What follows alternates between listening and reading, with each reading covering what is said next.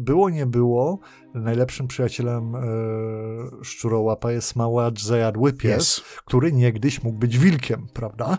Nawet na pewno kiedyś był, ale to było bardzo, to bardzo dawno temu.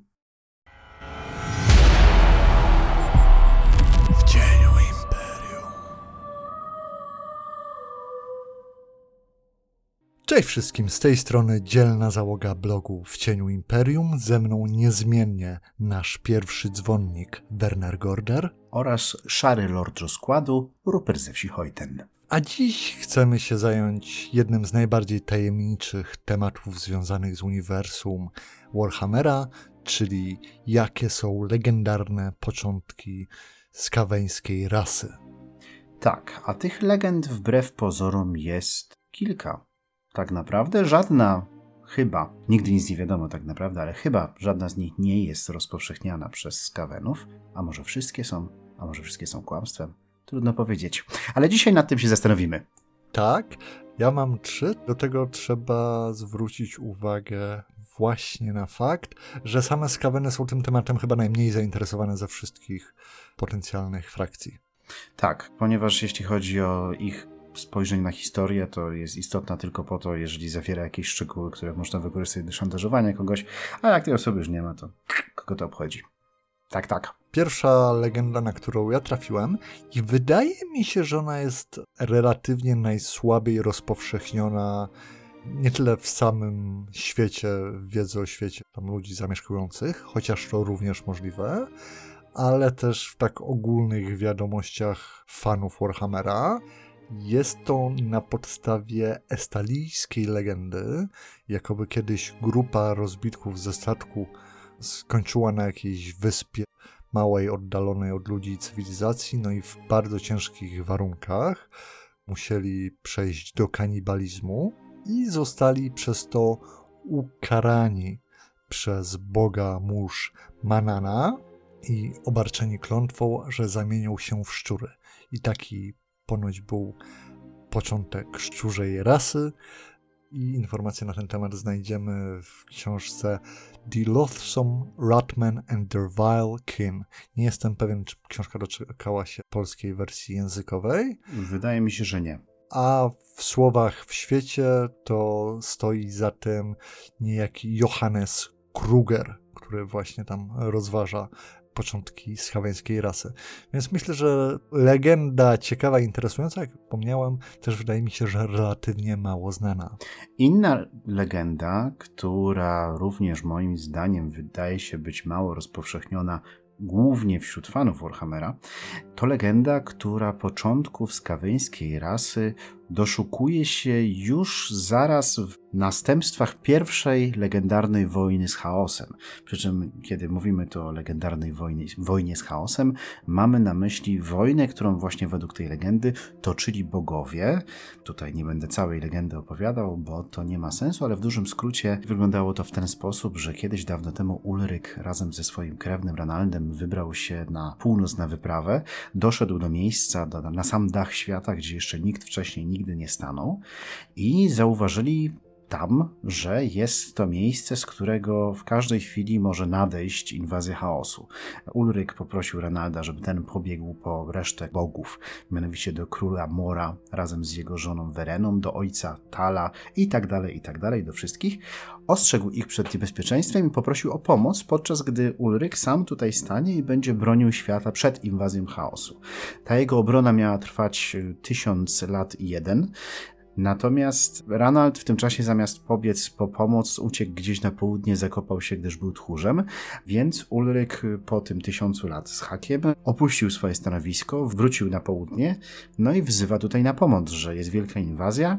Ostatecznie doprowadziło to do wielkiej wojny z chaosem, którą chaos przegrał, Bogom udało się oczyścić północne części Starego Świata właśnie z tego zagrożenia. Po czym, kiedy odeszli, żeby pochować swoich zmarłych, czyli mniejszych bogów, swoje sługi i tak dalej, no to zostawili pobojowisko. No i na tym pobojowisku zdarzyło się coś, co się dzieje na wszystkich innych pobojowiskach, mianowicie pojawiły się różnego rodzaju zwierzęta, głównie szczury, które zaczęły jeść te truchła tych demonów i innych pomiotów chaosu. I kiedy Ulryk wrócił, żeby to jakoś posprzątać, to rozpoznał swój błąd. Mianowicie te szczury, które na tym się żywiły w tym czasie, zdążyły urosnąć do monstrualnych rozmiarów i nabrać przebiegłości równej z Kaweną. I chociaż Ulryk starał się później spalić to miejsce i poprosił Monanę o zalanie go, i takie mają być początki Morza Szponów, to już z Kawenów nigdy nie udało się wytępić troszeczkę rozbuduję tę legendę, bo uważam, że tam są przynajmniej dwa ciekawe fragmenty, nie każdy związany bezpośrednio ze skawenami, ale właśnie jak Ulryk wraca do bogów, żeby prosić ich o pomoc, to tam Manan nie jest zainteresowany, bo on nie jest zainteresowany tym, co się dzieje na lądzie. Mor uznaje, że Ulryk jako wielki wojownik sam sobie ze wszystkim poradzi i tak dalej. Wszyscy bogowie nie niosą pomoc Ulrykowi. Pomijając jedną. Tak, z wyjątkiem Wereny, która rozumie jako bogini mądrości, że rzeczywiście trzeba się temu przeciwstawić, a ponieważ jej mąż Mor nie chce walczyć, to zabiera jego miecz i wraz z Ulrykiem rusza do bitwy i ten miecz, który już pozostaje na zawsze w ikonografii Wereny, ma być właśnie mieczem Mora, co moim zdaniem jest bardzo ciekawym flaworkiem w tym wszystkim. No i do tego na koniec, jak już ta bitwa jest wygrana, bogowie nasi dobi, bo nie chcę tutaj powiedzieć bogowie prawości, bo to jeszcze co innego, pokonali bogów chaosu, bo to jest napisane, że zabili tych bogów chaosu w domyśle nie ostatecznie, tylko tak, że odeszli poza bramy chaosu i też szczury się karmią właśnie trupami demonów, bogów chaosu i czego tam jeszcze. To jest też fragment o tym właśnie, jak to Verena, widząc całe to zniszczenie, zaczyna płakać i z tych łez powstaje bogini miłosierdzia Shalia, co też jest ciekawym fragmentem. Mi się ta legenda bardzo podoba, jako właśnie też takie wytłumaczenie, wiesz, tego północnego imperium i podejścia do szczuroludzi, tym bardziej, że potem jakby to rozwijać, to ładnie się nam spina w historii świata, że to imperator Mandret, prawda, jest tym szczurobójcą, więc ten fragment z Midenheim. Jedna rzecz, której mi brakuje, to w tym, że nie mamy za dużo informacji a propos tego, jak to Ulrykanie bardzo nienawidzą szczuroludzi. Wiesz, wydaje się, że to powinno być gdzieś zaznaczone, że właśnie ci wszyscy dzielni wojownicy, którzy czczą Ulryka, pamiętają jakby o tej walce Ulryka ze szczurami, no jakby się na tym A nie było motywów, że właśnie Ulryka nie pamiętają i są właśnie wyjątkiem? Ty mówisz, że nie ma, ale takie elementy są. Bo popatrz, co prawda najbardziej aktywny w tłamszeniu informacji na temat tego, że skaweni istnieją w Imperium, bo w innych rejonach świata to inaczej wygląda, ale w Imperium jest kościół Sigmara, to kościół Ulryka raz, że nie mówi wprost, że skaweni istnieją, ale Al-Urlik nakazał Uniwersytetowi w Salzenmundzie uczyć o tym, że są kontrowersje na temat tego, czy skaweni rzeczywiście istnieją. No tak, no ale to nie jest ten sam poziom, a wiesz, gdyby się temu przyjrzeć na dobrą sprawę, ładnie można to też byłoby opisać na tej zasadzie, że wiesz, z jednej strony szczur jako zwierzę, nawet jak kojarzymy go pozytywnie, to jest właśnie kojarzony z racji tego swojego sprytu, inteligencji, takiego, wiesz, przebiegłości, czyli no rzeczy, które nie są bardzo cenione przez wyznawców Ulryka, którzy dużo wyżej, wiesz, jednak trzymają siłę, odwagę i wiesz, takie no swoistą prostolinijność, jednak brak tego podstępu, prawda, co nam ich stawia z jednej strony w kontrze do oczywiście samych szczuroludzi, ale też właśnie do Ranalda i jego wyznawców, gdzie to są dwa zupełnie inne podejścia. No i było nie było, najlepszym przyjacielem e, szczurołapa jest mały zajadły pies, yes. który niegdyś mógł być wilkiem, prawda? Tak jakby nawet na pewno kiedyś był, ale to było bardzo, to bardzo tak, dawno temu. Więc ja uważam, że ta idea właśnie Ulrykan jako takich naturalnych przeciwników Skawenów fajnie i ciekawie się spina. I o ile rzeczywiście możemy to sobie w lore rozbudować, mamy, wiesz, ku temu przestrzeń, to właśnie jak czytałem o tej legendzie, to tak trochę żałuję, że to nie jest bardziej zaznaczone, że okay, Ulrykanie wciąż to trzymają te tradycje, wciąż mają tę wiarę i rozumieją, że są tacy wrogowie gdzieś tam pod ziemią, co jeszcze w kontekście Midenheim będącego na skalę przeżartej jak ten ser marienburski dziurami, prawda? przez szczury, to tym bardziej się to nam razem fajnie spina. I szkoda, że to nie jest trochę bardziej w lore moim zdaniem jasno nakreślone i powiedziane, Chociaż na obronę można wziąć, że to zmarło razem z Mandredem, szczurobójcą, o którym się też uważa, że on po prostu pokonał ostatnie skaweny, więc może tak być. Do tego trzeba się dokopywać głębiej, bo od półtorej tysiąca lat wszyscy Ulrykanie twierdzą, że tak, no to był naturalny wróg Ulryka i oczywiście bohater Ulryka, czyli Mandred, wziął i ich pokonał już ostatecznie. Wiesz, akurat jeśli chodzi o Midenheim i Ulrykan, to tych legend związanych z jakimiś szczurami, które próbują zdobyć miasto jest całkiem sporo. Nawet jest w kilku, w kilku wersjach, e, widziałem już w podręcznikach. Natomiast to są legendy dotyczące Ulrykan, a nie samych skawenów, więc trochę zbaczamy z tematu, choć jest to bardzo ciekawe. Ale to nie są te dwie legendy, które do tej pory przytoczyliśmy, nie są wszystkimi legendami, ponieważ mamy jeszcze inną legendę, chyba najbardziej rozbudowaną i przynajmniej w moich poszukiwaniach rozrzuconą po tak naprawdę największej ilości podręczników. Czyli zapewne upadek Kawzar. Kawzar lub Tylos lub Til lub Tilae lub Kazwar pisane w różny sposób. Ale tak, to właśnie legendę mam na myśli tutaj. Tak, ma to być tilańska legenda. Swoją drogą, a propos tego, jak spójne informacje jesteśmy w stanie dostać z podręczników Warhammera Propolor, to w Dzieciach Rogatego Szczura do drugiej edycji mamy właśnie fragment o tym, że jest legenda o upadku Kawzar, chociaż pomimo tego, że tak jest nazywana, to w samej legendzie nie pada słowo Kawzar. I tutaj później mamy autora, który całą tą legendę opisuje, bo to ma być taki poemat niby 13 strofach. I ta konkretna wersja zamiast być tilańską legendą i opierającą się na tych tylańskich podaniach i tłumaczeniach, ma być wersją krasnoludzką, przetłumaczoną tam przez krasnoluda i potem przez tego naszego uczonego w Reichspiel. Możemy sobie to przeczytać oczywiście w podręczniku. I to kawzar, które ma się w tej legendzie nie pojawić ani razu, to ja naliczyłem 26 razy w tekście, który mamy. Więc tak z ciekawostek a propos spójności. Tak, przy czym samo słowo kawzar, jak się w to wgryźć, to okazuje się, że chociaż brzmi nam troszeczkę jakby było z kazalidu, to w żadnym leksykonie kazalickim nie występuje ani razu, w związku z czym no tutaj też jest taka ciekawostka. Natomiast no może byśmy powiedzieli kilka słów na temat tej legendy bo ona ma też swój background. Ona ma też swój background i zanim właśnie myślę, że chyba bym opowiesz, jak już to poruszyłeś, to ja bym tylko chciał dodać, że też są inne źródła, które twierdzą, że dawno, dawno temu był sobie, ale tak naprawdę dawno, że był sobie władca Tylos, które imię też pojawia się nam w Apinarus ostatnio, który miał rządzić plemieniem koczowniczym, które jednak doszło do porozumienia z Myrmidią i postanowiło osadzić się w jednym miejscu i tam okoliczne plemiona musiały wysyłać mu co roku wielu niewolników do tego, aby prowadzić pracę nad różnego rodzaju budynkami, coraz to potężniejszymi, coraz to piękniejszymi.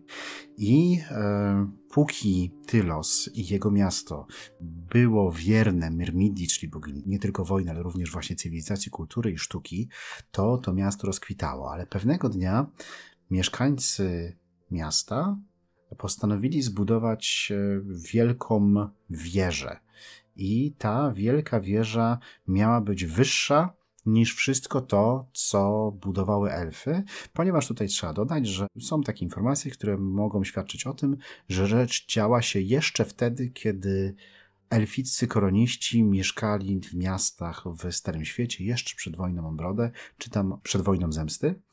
Więc ta wieża miała zostać uznana przez Mirmidę za bezsensowną, więc ona porzuciła to miasto i powiedziała, że wróci dopiero wtedy, kiedy mieszkańcy odzyskają rozum.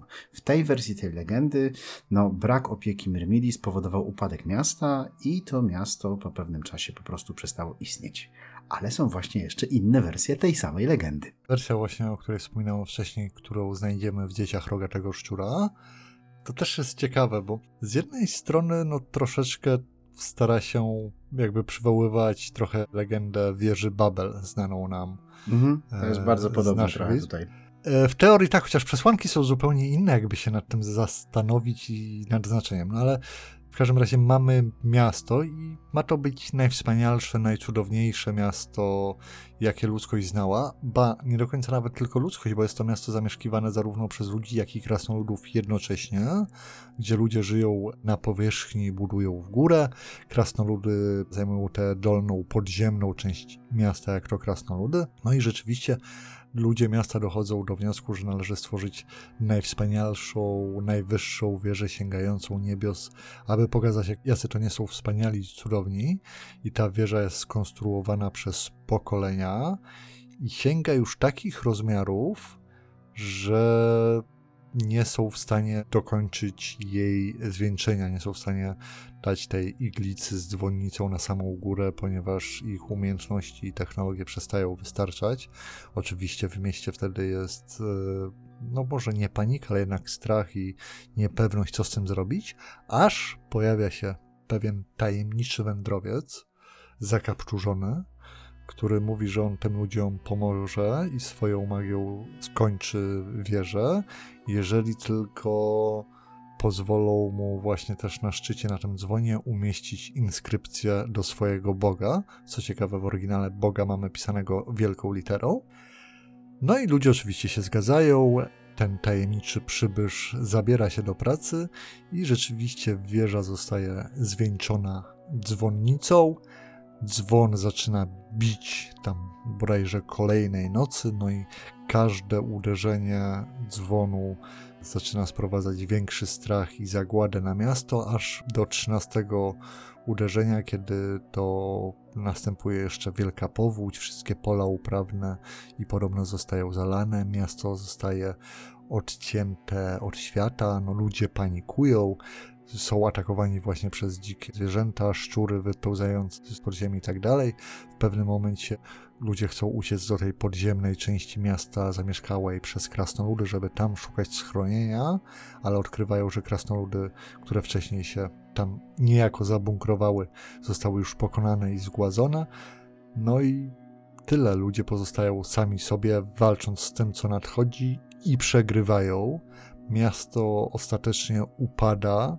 Jest to upadek ludzkiej cywilizacji, tego krasnoludzko-ludzkiego przymierza a o samym mieście mówi się ono stało się Skavenblight, stało się tą stolicą szczuroludzi, jak i również o fakcie, że miasto miało być dziś w okolicach Delay. To jest chyba taka najbardziej rozpowszechniona wersja tego wszystkiego. To na ile jest prawdziwa, to jest wiadomo inna kwestia. To znaczy, wiesz co, wydaje się, że są rzeczy, które świadczą o tym, że ona prawdziwa być może. Mianowicie mamy, znaczy mamy, krasnoludy dysponują zapiskami na temat tego klanu, który właśnie tam się miał osiedlić.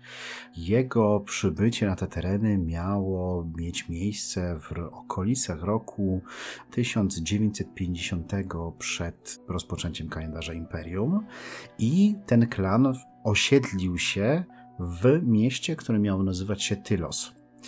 W roku minus 1880 kalendarza Imperium mieszkańcy tego miasta już byli na tyle silni, że według krasnoludzkich zapisków zaczęli to budować tam wielką świątynię, której budowa miała trwać 100 lat.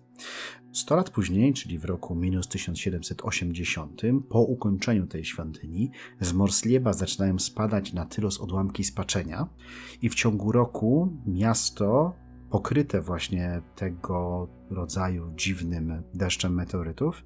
Jego mieszkańcy zaczynają chorować, okoliczne pola oczywiście przestają wydawać plony, tamtejsze zwierzęta, takie jak szczury, zaczynają mutować, i w ciągu roku od tego wydarzenia miasto upada właśnie pod naporem zmutowanych szczurów, a później zapada się jakby pod ziemię z powodu tego podmokłego gruntu i tak dalej. Po klanie, który osiedlił się w tym mieście, przepadł całkowicie ślad, krasnoludy nie wiedzą, co się z nim stało.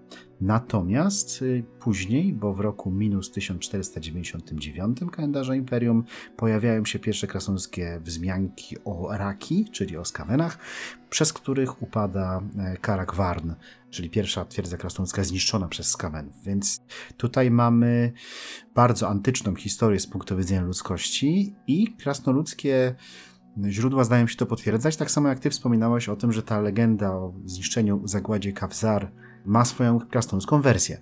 No, problem w tym wszystkim jest taki, że wiesz, na wszystkie odpowiedzi wciąż pozostaje wiele pytań, z którymi nie bardzo wiadomo, co zrobić. Z ciekawostek jeszcze tutaj dodam, że właśnie w tej legendzie przed ostatecznym upadkiem mamy też miankę, jakoby ludzie zwrócili się do mrocznych potęg o pomoc. No ale to ostatecznie im nie pomogło. W samym tekście tej legendy, właśnie którym dysponujemy, też pojawiały się słowa Skaven, więc to już zdecydowanie chodzi o Skaveny Skaveny, a nie po prostu o coś, co miałoby wyglądać jak szczury. No oczywiście mamy największe pytanie tego wszystkiego, mianowicie kim był ów tajemniczy jegomość, który zwieńczył tę wieżę, który dodał napis dla swojego Boga. I to jest dobre pytanie, bo tutaj jest też kilka możliwych interpretacji. Tak, no i pozostaje to jednak otwarte.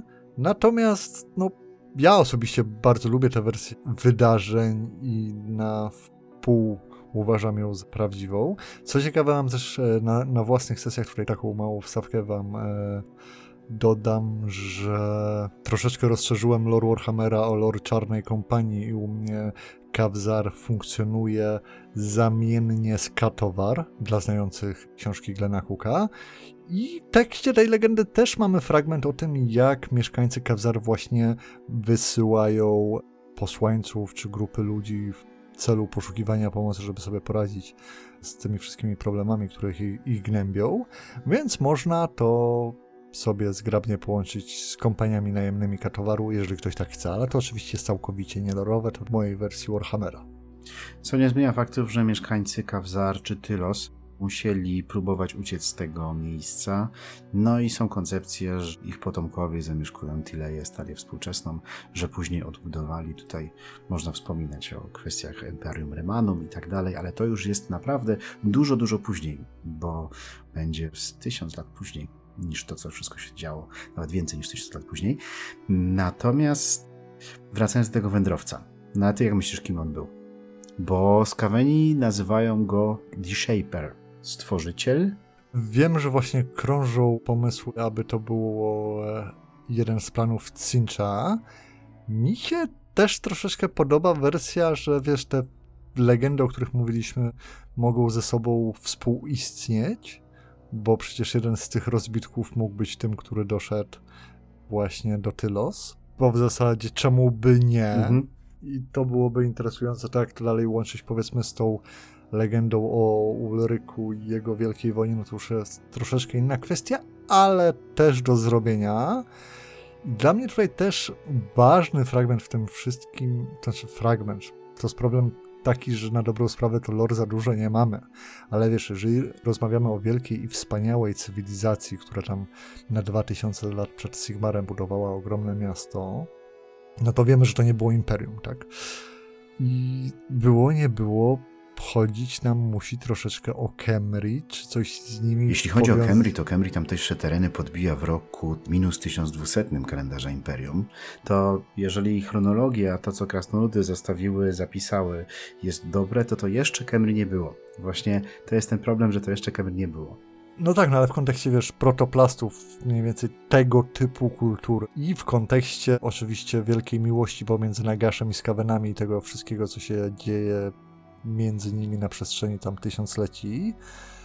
To też byłoby ciekawe, gdyby to jakoś się brało właśnie z tych okolic Kemri, no ale wiesz, na dobrą sprawę nie bardzo mamy opisane wczesne ludzkie cywilizacje pomijając Camry właśnie. Mi się bardzo podoba to połączenie, które jest oczywiście w mojej głowie tylko, to nikt tego nie napisał wprost, pomiędzy mieszkańcami tego miasta Tylos i tego króla Tylosa, wodza koczowniczego plemienia Kawzar, który właśnie miał podbić te tereny dookoła i domagać się niewolników od ludzi mieszkających obok.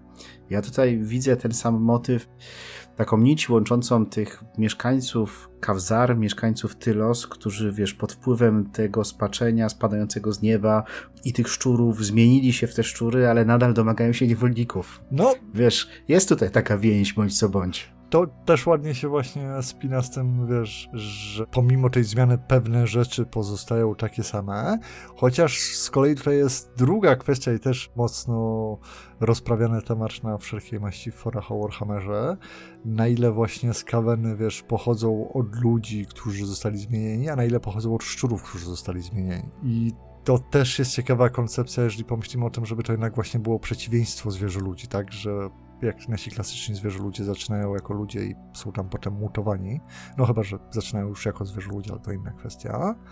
O tyle właśnie pomysł szczurów, które zostały tak bardzo zmienione, że stały się niemal ludzkie, ale w tej chaotycznej, wiesz, wykrzywionej wersji ludzkości. Uważam, że obie wersje mają swój urok. Nie chcę tutaj twierdzić, że jedna czy druga jest lepsza, ale też właśnie podoba mi się pomysł, żeby to nie było tak, że skaweni są jednak kolejnym planem Sincha, czy w jakiś sposób tak naprawdę przedłużeniem chaosu, tylko żeby wychodziły z, znaczy no siłą rzeczy muszą wychodzić ze, z chaosu w sensie spaczenia i całej reszty, ale żeby, wiesz, to jednak została zachowana ich odrębność, żeby ta przeciwwaga dla czterech bóstw chaosu, rogaty szczur jako osobny byt, który jednak zachowuje się inaczej niż cztery potęgi, no, głównie dlatego, że dużo częściej objawia się pod swoją postacią i staje się być taki bardziej antropomorficzny.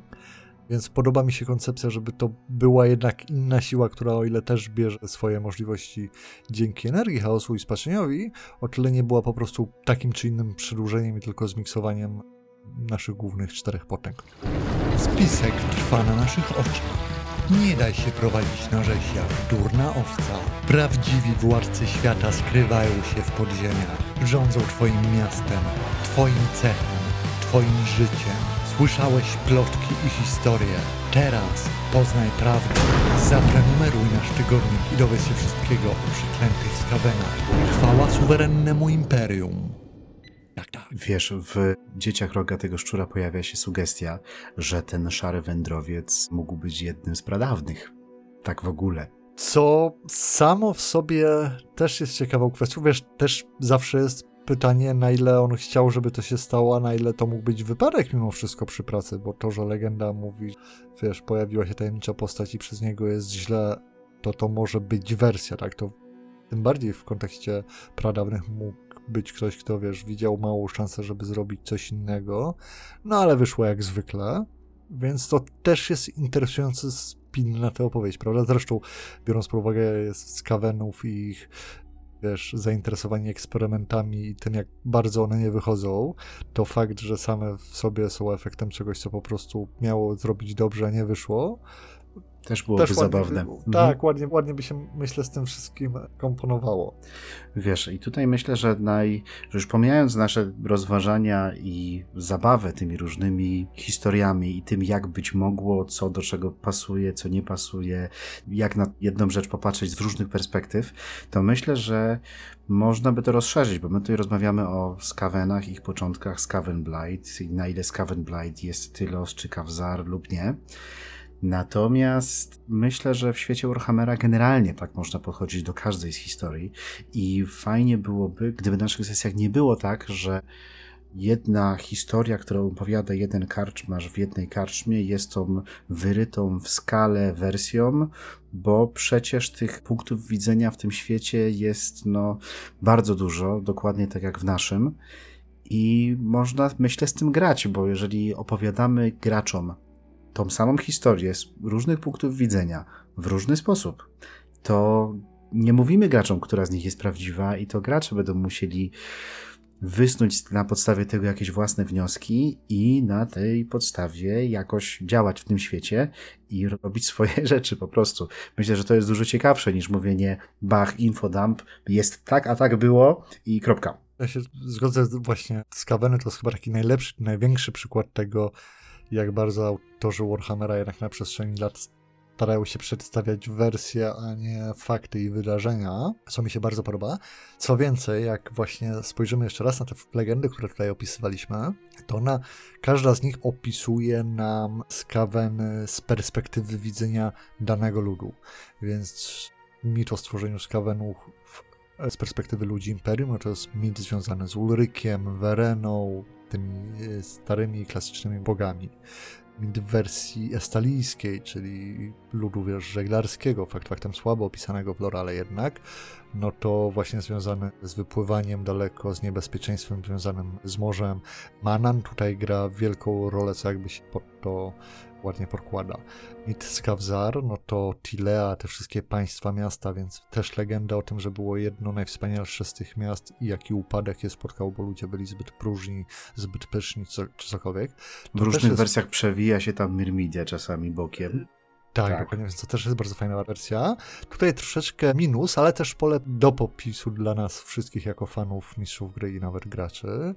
Jest to, że wiesz, jakie mogłyby być ciekawe historie stworzenia właśnie szczuroludzi, wiesz, z perspektywy innych ludów, bo nie doczekaliśmy żadnego bretońskiego, a trochę szkoda. No o krasnoludach to wiemy tyle, co w tej wersji tileańskiej, tylko z troszeczkę innej strony. To znaczy krasnoludy mamy z krasnoludzkich bardziej źródeł, ale krasnoludy są krasnoludami, w związku z czym ogranicza się to do zapisania kilku dat i paru, wiesz, informacji z tym związanych. No tak, no wiesz, właśnie ciekawie by było, gdyby była jakaś elfia wersja tych wydarzeń, podobnie Lizardmanowska, bo tam od Lizaków, no to oni wiedzą, że skaweny wreszcie przyszły i było dużo walki, wojny i to się tam toczy dalej. Więc fajnie by było mieć jeszcze inne legendy na ten temat. I z jednej strony, jak mówię, no szkoda, że nam autorzy tego nie dali. Z drugiej strony też nam wyznaczyli właśnie szlak, że można tworzyć własne wersje, własne pomysły w oparciu o poszczególne kultury. Więc dobrze byłoby to też wykorzystać. I kolejnym razem, jak się przygotowujemy do sesji, mają być skaweny. Jeżeli uda nam się wprowadzić czy to Bena z jakiejś innej krainy geograficznej, czy gdzie indziej prowadzić, to wymyślić troszeczkę inną legendę, która opisuje inną historię na temat tego, jak powstała rasa obrzydłych i nienawistnych, pełnych zdrady szczuroludzi, którzy nie istnieją. A jak już poćwiczymy na szczuroludziach, no to można to w troszeczkę mniejszej skali, ale stosować też na przykładzie innych rzeczy, na przykładzie historii tutejszego lorda, na przykładzie historii danej prowincji, na przykładzie legendy o, nie wiem, dlaczego ta góra nazywa się tak, a nie inaczej, ale wplatać to jakoś, bo to myślę ożywiać przedstawiany przez nas na sesjach świat. Tak, czyli kończymy tym słynnym cytatem, że wszystko co w lore jest prawdą, po prostu nie wszystko musiało się wydarzyć. No, ten cytat myślę, że chyba szedł inaczej, ale sens był taki sam. Parafrazując. Dokładnie. A tymczasem dzięki Wam wielkie za te wszystkie tysiące lat słuchania naszych podcastów. Gdybyście chcieli kontynuować rozważania na ten temat, to zapraszamy Was serdecznie na naszego Discorda. Link na dole. Jeżeli chcecie nam pomóc stworzyć największą wieżę podcastu na świecie, na szczycie której będzie dzwon, zapraszamy na nasz Patronite, bo wciąż składamy na kolejne piętra. A w tym miesiącu tak się przypadkiem składa, że nasi patroni mają możliwość wygrania jednej z trzech kopii niezbędnika do rogatego szczura, także link jest w opisie, sprawdźcie. Zapraszamy. Tak, no i oczywiście czekamy na Wasze wszystkie lajki, suby i inskrypcje na dzwonie naszego kanału. Aby wszystkim nam się żyło lepiej, ten podcast był najwspanialszym ze wszystkich podcastów Chilei i znanego świata. Tak, tak, tak, tak. Trzymajcie się, cześć.